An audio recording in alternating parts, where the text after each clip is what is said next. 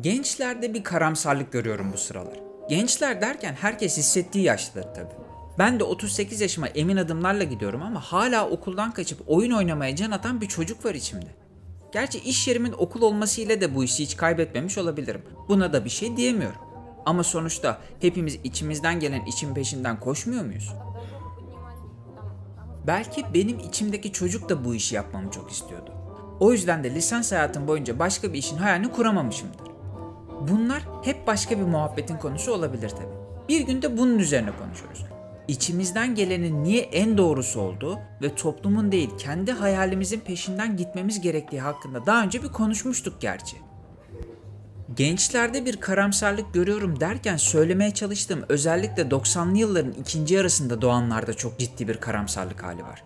Bu karamsarlık hali sözlerine de çok kesin ifadelerle yansıyor. Biz çalışarak ev araba sahibi olamayız artık gibi.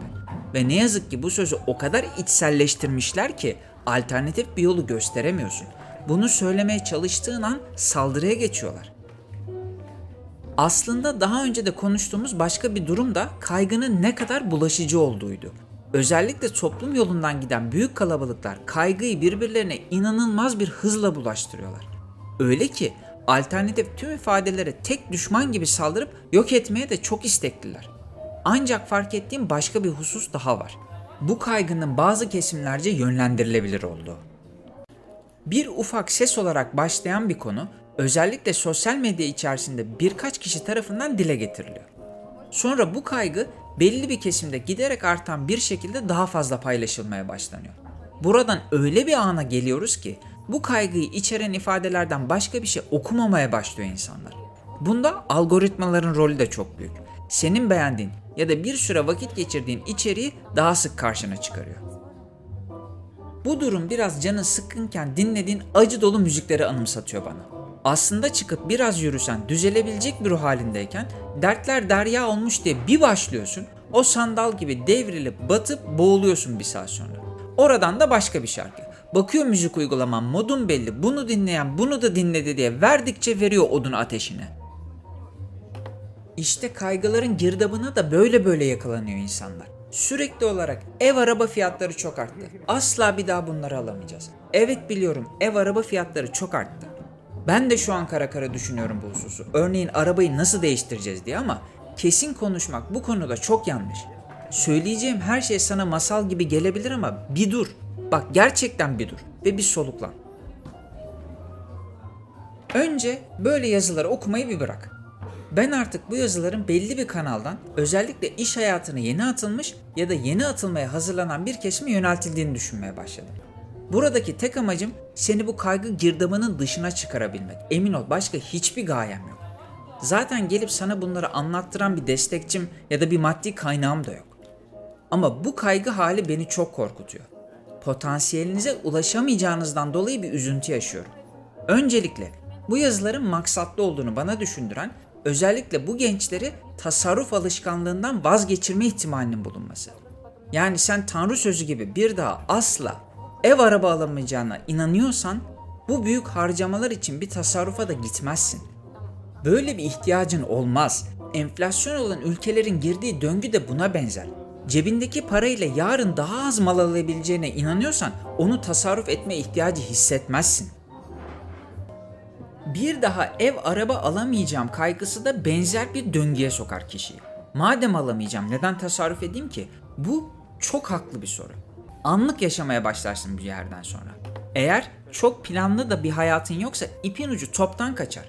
Diyorum ya böyle bir kaygı içindeyken insanın ruh hali de alt üst olur. Bu sefer sana tatmin sağlaması muhtemel lükslere yönelmeye başlarsın. Her şeyden önce keşke birer Oscar Wilde olsak. Ama kendisi sen de takdir edersin ki milyarlarda bir taneydi. Lüksleri olmadan yaşayamazdı. Lakin bizler öyle değiliz. Bak bizler yıldız tozu falan da değiliz. Büyülü bir mucize de değiliz. 8 milyar tane falan var bizden. Arzımız çok. Arzı çok olanın genelde mucizesi olmaz. Mucize arıyorsan git panda yavrularına, kaplan yavrularına bak. Biz önce gereksinimlerimizi güvence altına almalıyız. Lükslerimiz daha sonra gelmeli. Ama gereksinimlerimize sahip olmamız artık imkansız. Bak, kendi yolunda olmanın en güzel yanlarından bir tanesi de hayatın bugün ve hemen yarın olmadığı farkındalığında olmak. Bugün barınma ihtiyacımız için bir adım atamıyor olabiliriz. Hemen yarın da bu adımı atamayacak olabiliriz. Ama hayat bugünden ve hemen yarından ibaret değil. Sen yeter ki bu farkındalığa sahip ol. Tasarruf etmeyi bırakma. Ya hayata bir kere geliyoruz ben tatil yapmadan yaşayamam. 30 yaşında gidemediğim bir tatil 65 yaşında kiralık ev aramak kadar üzmez seni emin ol. Bak gerçekten ama gerçekten üzmez. Bazısı gerçekten çok şanslı. Aileden evler, arabalar, arsalar, iş yerleri falan kalıyor. Bu insanlar gereksinimlerini zaten karşılamış bir biçimde hayata başlıyor. O yüzden de lükslerini harcayacak maddi kaynakları daha rahat elde edebiliyorlar. Benim böyle bir şansım yoktu. Ben bu gereksinimleri kendim karşılamak zorundaydım. Hala da kendim karşılamak için mücadele ediyorum. Hala da tasarruflarıma devam ediyorum. Benim kendi arkadaşlarımdan birçoğu da inan benim bu kafamda değillerdi. Ya ben senede 3 defa Paris'i görmezsem yaşayamam diyen bir arkadaşım geçen sosyal medyada kiralardan şikayet ediyordu.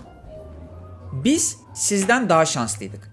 Görece daha fazla maddi imkanın olduğu bir dönemde iş hayatına atıldık ama tüm arkadaşlarım olaya maalesef benim gibi yaklaşmadılar. Yine içlerinde şanslı bir azınlık vardı ama ne yazık ki birçoğu bu şanslı azınlık gibi yaşamaya çalıştılar. Sonuç olarak da o dönemi oldukça yanlış değerlendirdiler. Lakin lütfen şunu unutma. Hiçbir şey sürekli değil.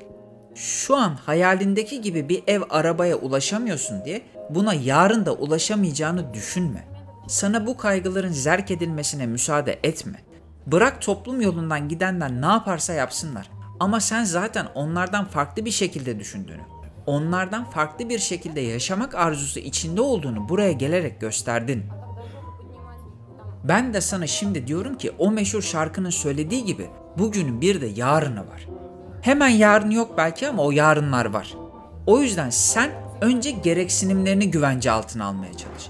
Bunun için tasarruf yap. Bunun için yatırım yap. Bu yatırımı hem kendine hem de bankadaki birikimlerin için yap tabi. Ne yazık ki sana yine bir seçim sunacağım. Ya kaygı girdabı içerisine girip lükslerinle tatmin arayıp yarınını kaybedeceksin ya da yarınlarını düşünüp buna uygun hareket edeceksin. Fırsat herkesin karşısına gelir bunu unutma. Ama o fırsat geldiğinde ona hazır olmalısın. Bu hazırlıkta kendine ve birikimlerine yaptığın yatırımlardır.